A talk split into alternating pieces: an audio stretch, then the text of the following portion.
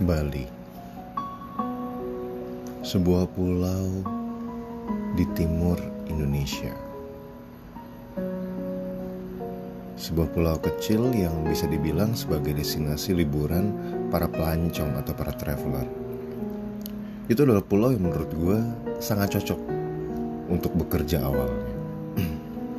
Gue berpikir dengan bekerja di Bali gue akan merasa seperti liburan dan tanpa pikir panjang makanya gue coba untuk mempelai ke sana. Dan alhamdulillahnya gue keterima pekerjaan di sebuah perusahaan IT yang kebetulan menjadi salah satu subkontraktor dari perusahaan negara di bidang telekomunikasi.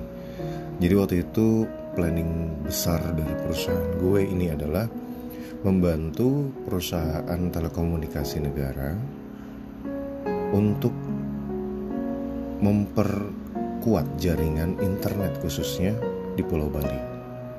Karena pada waktu itu di Pulau Bali bisa dibilang internet sudah ada, cuman tidak merata karena bentuknya kepulauan ya. Jadi ada ada penarikan kabel bawah laut dan sangat-sangat teknis lah. Jadi gue bekerja di sebuah perusahaan yang kebetulan di bawah naungan pemilik rokok di Surabaya waktu itu sebagai pusatnya dan punya cabang di seluruh Indonesia. Dan waktu itu dia baru aja membuka cabang di Bali dan gue sebagai branch manajernya. Itu hal pertama yang menurut gue hal yang amazing buat gue. Kenapa? Karena waktu itu umur gue sekitar 24 ya, 24-25 tahun. Gue udah menjadi posisi branch manager dan bekerja di pulau orang, di pulau Bali.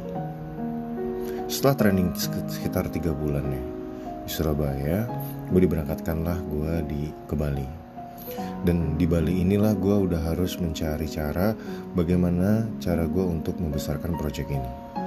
Bisa dibilang Bali adalah salah satu pemasukan terbesar di hidup gue kalau gue pernah ditanya sama orang apa lu pernah kaya iya gue pernah waktu gue kerja di Bali. Kira-kira gambarannya kayak gitu. Gue bisa beli apa pun. Karena luar biasa sekali dari sisi gaji ditambah lagi gue banyak banget dapat sampingan lah di sana dan waktu itu gue mencoba untuk peruntungan gue di bidang usaha. Yaitu gue coba untuk uh, jadi uh, jualan CCTV waktu itu. Kerjasama sama salah satu vendor lah terbesar di China yang baru masuk di Bali. Gue kerjasama sama uh, bosnya waktu itu. Dan gue mencoba untuk menjual paket internet dan CCTV yang bisa dihubungkan melalui internet. Jadi bisa diakses lewat handphone ya. Ini dulu ya bukan sekarang. Jadi kita jualan di pulau itu memetakan seluruh itu ditambah lagi waktu itu kebetulan di Bali gue dapat proyek besar untuk persiapan KTT ASEAN tepatnya di salah satu hotel Sofitel di Nusa Dua itu uh, seluruh kepala negara di dunia akan berkumpul di situ. Jadi kita harus mengebut soal jaringan internet di hotel itu yang kebetulan sedang on progress pembangunan. Waktu itu pas gue jalan atau gue datang ya di Bali, progres itu mungkin sekitar baru sekitar 30-40 persen lah. Tapi dalam waktu satu minggu benar-benar berubah total dan bahkan itu persiapan sampai 90 persen. Padahal waktu itu sampai ke KTT hari H-nya itu mungkin sekitar tiga bulan kemudian. Jadi persiapannya sangat-sangat total. Karena saking besarnya hotel. Kalau lu nanti atau lu udah pernah ke Bali atau suatu saat lu ke Bali, lu boleh cek salah satu hotel di sana namanya Sofitel. Itu project KTT ASEAN. Gue lupa tahun berapa itu. 2013 2014 kalau nggak salah. Gue lupa. Pada 2012 gitu ya. Oke singkat kata gue kerja di sana dan gue juga memiliki usaha. Pada saat gue tahun pertama di Bali, gue kebetulan waktu itu uh, ngekos ya di Denpasar uh, di kotanya pusat kota Bali di mana di Bali gue mengenal banyak banget kebudayaan-kebudayaan baru yang bisa dibilang tabu ketika gue lakukan di Jakarta ataupun di pulau-pulau lain. Kenapa? Karena di Bali ini bisa dibilang mempunyai budaya yang sangat-sangat kental dan kuat. Contoh misalnya lu lagi bawa mobil atau bawa kendaraan di tengah jalan tiba-tiba ada upacara otomatis lo harus ngikutin upacara itu kan kadang dia berjalan kaki tuh. Masuk uh, apa di tengah-tengah jalan harus nungguin sampai mereka melipir atau berhenti di tujuan. Jadi lo harus ikutin dan lo nggak boleh komplain nggak boleh klakson. Karena memang itu adatnya. Oke? okay? Setiap hari kerjaan gue cuma keliling pantai, jalan-jalan, clubbing. Gue nikmatin hidup gue selama di Bali. Sampai akhirnya gue kenal sama seorang perempuan di sana di tahun pertama gue di sana. Ya kita panggil aja namanya adalah Desi. Bukan nama asli ya. Oke, okay. singkat cerita, gue kenal sama perempuan namanya Desi. Waktu itu gue kenal sama dia di salah satu uh, bar di Bali dan kebetulan dia adalah orang Bandung. Kayaknya Bandung Barat ya Bandung Barat kayaknya gue gue lupa. Intinya gue kenal sama dia kita coba intensitas komunikasi kita cukup uh, sering gitu ya sampai akhirnya kita berpacaran. Waktu itu dia mengaku bekerja di salah satu bank bank besar BCA kayak gue bilang BCA di Kute. Jadi hampir setiap sore setiap dia pulang uh, kerja itu gue jemput setiap sore. Terus gue anterin lagi kita kadang makan kita nongkrong di mana terus gue anterin pulang ke kosannya dia. Karena gue sama dia beda kosan ya gue di Denpasar di daerah Tukat di Denpasar juga tapi mendekati Sunset Road. Jadi daerah Tukat-Tukat gitulah. Ya udah. Setiap setiap sore gue lakukan seperti itu. Sampai akhirnya satu tahun kemudian gue berpacaran sama dia kurang lebih satu tahun ya. Dan waktu itu gue berpikir ya dengan umur gue yang bisa dibilang sudah cukup waktu itu dan merasakan bahwa keuangan gue juga sudah cukup memadai kenapa nggak kita menikah? Karena merasakan cocok gitu ya. Sampai akhirnya gue mau mengenalkan dia ke keluarga gue.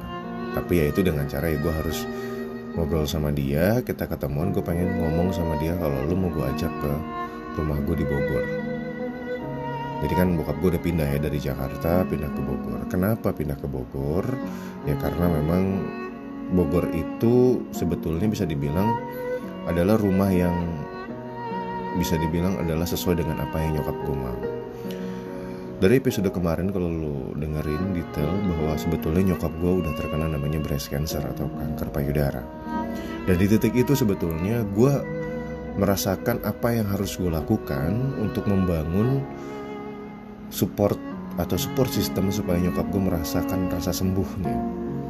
Supaya dia terbangun rasa untuk semangat lagi untuk hidupnya. Biar dia ngerasa yang namanya tidak merasakan sakit karena apa yang dia inginkan gue akan wujudkan selama gue mampu. Karena gimana pun juga gue sebagai seorang anak gak akan pernah bisa ngebales apa yang udah nyokap gue lakuin selama gue hidup. Ya gak akan pernah. Jadi gue akan melakukan apa pun selama gue mampu. Jadi detik itu pada saat di Jakarta kan gue udah punya rumah waktu itu kan rumah di Jakarta. Dan nyokap gue yang mungkin karena kondisinya waktu itu sedang sakit dan cukup parah ya sedang sakit breast cancer itu dan sudah mulai cukup parah berat nyokap gue yang tadinya bisa dibilang cukup gemuk tiba-tiba menjadi kurus total karena kondisi yang diidapnya. Karena sudah menyebar ke mana-mana kankernya dan gue berpikir gimana caranya supaya nyokap gue bisa happy lagi. Dia bisa semangat lagi tentang kehidupnya. Jadi gue berpikir nyokap gue pengen katanya pengen punya rumah yang di tengah-tengah gunung ya lokasinya di daerah Bogor aja. So dari situ kita nabung gue nabung pelan-pelan sampai akhirnya kita bisa beli sebuah rumah gitu ya di Bogor tepatnya daerah Gadok setelah keluar tol tuh ya ada belokan gang gitu. Kalau di Bogor tuh rumahnya harus lucu sih. Jadi ketika lu masuk ke dalam kesannya kayak kecil gangnya padahal pas di dalam itu rumahnya besar. Dan waktu itu harganya bisa dibilang tidak murah tapi bisa dibilang cukup terjangkau dengan budget gua waktu itu. Jadi kita beli rumah kurang lebih satu hektar. Satu hektar tanahnya aja dan bangunannya kurang lebih sekitar 4, eh 500-600 meter Waktu itu kebetulan rumah itu adalah pemiliknya uh, mantan rektor dari Universitas Indonesia. Dan kenapa dijual? Karena istrinya kebetulan sudah meninggal. Jadi si suaminya ini bapaknya ini disuruh tinggal sama anak-anaknya. Daripada sendirian jadi akhirnya dijual lah rumah itu. Dan kita beli. Yang kita bangun ulang lah. Kita rebuild sesuai dengan apa yang nyokap gue mau. Jadi gue benar-benar melakukan apa pun di rumah itu supaya nyokap dan bokap gue nyaman sesuai dengan apa yang mereka mau. Bikin taman bokap gue suka banget sama yang namanya taman makanya dia suka warna hijau toska gitu ya hijau hijau halus lah warnanya enak dilihatnya. Dia buat warna itu dan dia buat serindang mungkin rumah itu dia buat senyaman mungkin rumah itu. Jadi gue hanya support dari sisi budget. Karena gue bingung apa yang mesti gue lakuin karena kan gue jarang pulang juga sampai alhamdulillahnya rumah itu terbangun sesuai dengan apa yang nyokap dan bokap gue pengen. Oke kita balik lagi ke gue pada saat gue di Bali. Jadi waktu setelah gue udah pacaran satu tahun ini ya sama si Desi ini gue berencana untuk membawa pulang dia. Gue kenalin keluarga gue dan ya gue pengen planning untuk ngobrol serius sama keluarganya si Desi supaya kita menikah. But Allah berkata lain dan situasinya pun berkata demikian. Apa yang terjadi? Jadi waktu itu konteksnya gue habis pulang kerja dan gue chat dia, dia nggak balas masih centang satu.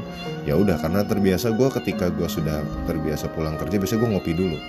Gue ngopi di sebuah tempat di cafe dan kebetulan waktu itu gue main-main ke Beach Walk Kuta. Kan udah lama gue ke Kuta, gue main di Beach Walk Kuta. Mall tuh ya satunya mall ada di Kuta kalau lo, lo tahu ya. Beach Walk Kuta. Di situ gue nongkrong di Starbucks ya iseng-iseng aja gue minum gue beli minum dan gue nongkrong sambil nikmatin pemandangan malam-malam hari gitu kan di mana Bali yang udah mulai bangkit setelah uh, kejadian bom Bali waktu itu dan udah mulai rame kan. Jadi gue ngerasa fine banget di situ. Sampai akhirnya gue melihat dia. Gue melihat si Desi jalan dengan seorang laki-laki tua. Yang gue kira adalah bokapnya tanpa pikir panjang, gue langsung jalan ke tempat dia. Gue mencoba untuk ngagetin dia. Langsung, eh Des, kamu dari mana aja? Ini bapak kamu ya? Aku, gue langsung salaman. Selamat malam om, salam kenal saya Rezi, pacarnya Desi. Gue langsung ditarik sama Desi saat itu juga. Terus dia bilang, itu bukan bokap gue sih. Dengan muka paniknya dia. Hah, maksudnya? Itu adalah sugar daddy gue atau gue adalah simpanannya dia. Lu bayangin gak sih, lu pacaran setahun sama orang yang ngakunya kerja di BCA, di Bank BCA dan setiap sore lu jemput. Oke? Okay? Dan gue nggak, gue juga nggak habis pikir waktu itu gue sampai, ah, ini serius lu bercanda, lu ngeprank? But in fact enggak, ya, dia adalah sugar babynya si laki-laki tua itu dan itu sudah terjadi sebelum gue kenal sama Desi. Jadi logikanya dia sudah jadi simpanan sama om-om ini kurang lebih mungkin dua tahunan tiga tahunan ya. Dan gue juga nggak mau tahu. But in fact setelah dijelasin semuanya bahwa dia adalah simpanan sudah lama Dia bilang kenapa gue lakuin ini? Karena gue nggak bisa kehilangan lo juga sih. Gue udah sayang sama lo tapi gue nggak mungkin ninggalin dia. Ini bukan dilema kalau menurut gue Ini nggak make sense Pernah gak sih lo punya kejadian ketika pasangan lo ternyata adalah simpanan dan dari awal itu tidak terbukti. Maksudnya tidak ada pembukaan diri dari dia untuk mengatakan yang sesungguhnya. Padahal dia tahu setiap hubungan pasti punya tujuan bener? Nah tujuan ini yang sebetulnya jadi masalah buat gue. Kok dia tahu dari awal gue punya tujuan apa? Yang namanya gue pacaran gitu ya pasti punya tujuan kan kalau pacaran cuma main-main ya itu beda ya. Itu cara berpikir lu beda. Kalau gue enggak. Karena gue pernah gagal sebelum gue pergi ke Bali kan gue pernah gagal. Gue pacaran lima tahun juga pasti punya tujuan. Tadinya gue pikir dia adalah perempuan baik-baik yang bisa dalam tanda kutip yang memang jadi calon istri gue satu tahun pacaran. Ini yang jadi konsep dasar gue kenapa kok bisa ini terjadi dan itu jadi dilema besar buat gue Kenapa terjadi lagi untuk kedua kalinya? Walaupun yang pertama itu terjadi adalah perselingkuhan. But yang kedua ini lebih ekstrim lagi, simpenan. You know what? Ketika lu berpacaran dengan seorang perempuan atau kebalikannya, lu seorang perempuan pacaran sama laki-laki dan laki-laki lu atau pasangan lu si cowok ini adalah simpanan tante-tante. Apa yang lu pikirin? Apa yang lu punya? Apa yang lu harapin dari hubungan lu? Karena menurut gue ini adalah sebuah kebohongan besar yang memang sudah dari awal dia udah nutupin semuanya. Setelah gue tahu penjelasan secara detail dari dia, so ya udah. Dan waktu itu mungkin ya rasa sakit hati gue dengan mantan gue yang lama itu belum belum terlalu kering gitu ya.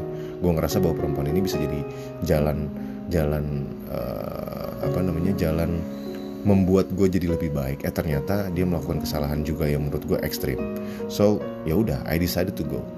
Ya udah gue bilang lu nggak bisa. Lu nggak bisa gini nih gue gimana pun juga gue punya harga diri. Tapi ketika lo membuat sebuah kebohongan lo akan menutupi kebohongan itu dengan kebohongan-kebohongan lain kan? Dari situ gue belajar bahwa lo kalau kenal sama seseorang lo benar-benar harus kenalin dulu. Entah gue yang bego atau emang dia yang terlalu pintar sampai dia bisa ngebohongin gue selama itu but never mind itu udah pernah terjadi dan menurut gue ya sudah lah.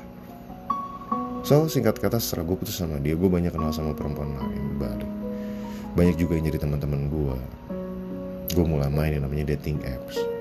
Gue kenal sama banyak orang di sana. Dan mungkin karena skill gue sebagai ex psikolog itu masih belum masih belum hilang gitu ya jadi gue jadi sering jadi tempat sampahnya para teman-teman gue bahkan sampai detik ini ya gue punya masih punya banyak teman di Bali.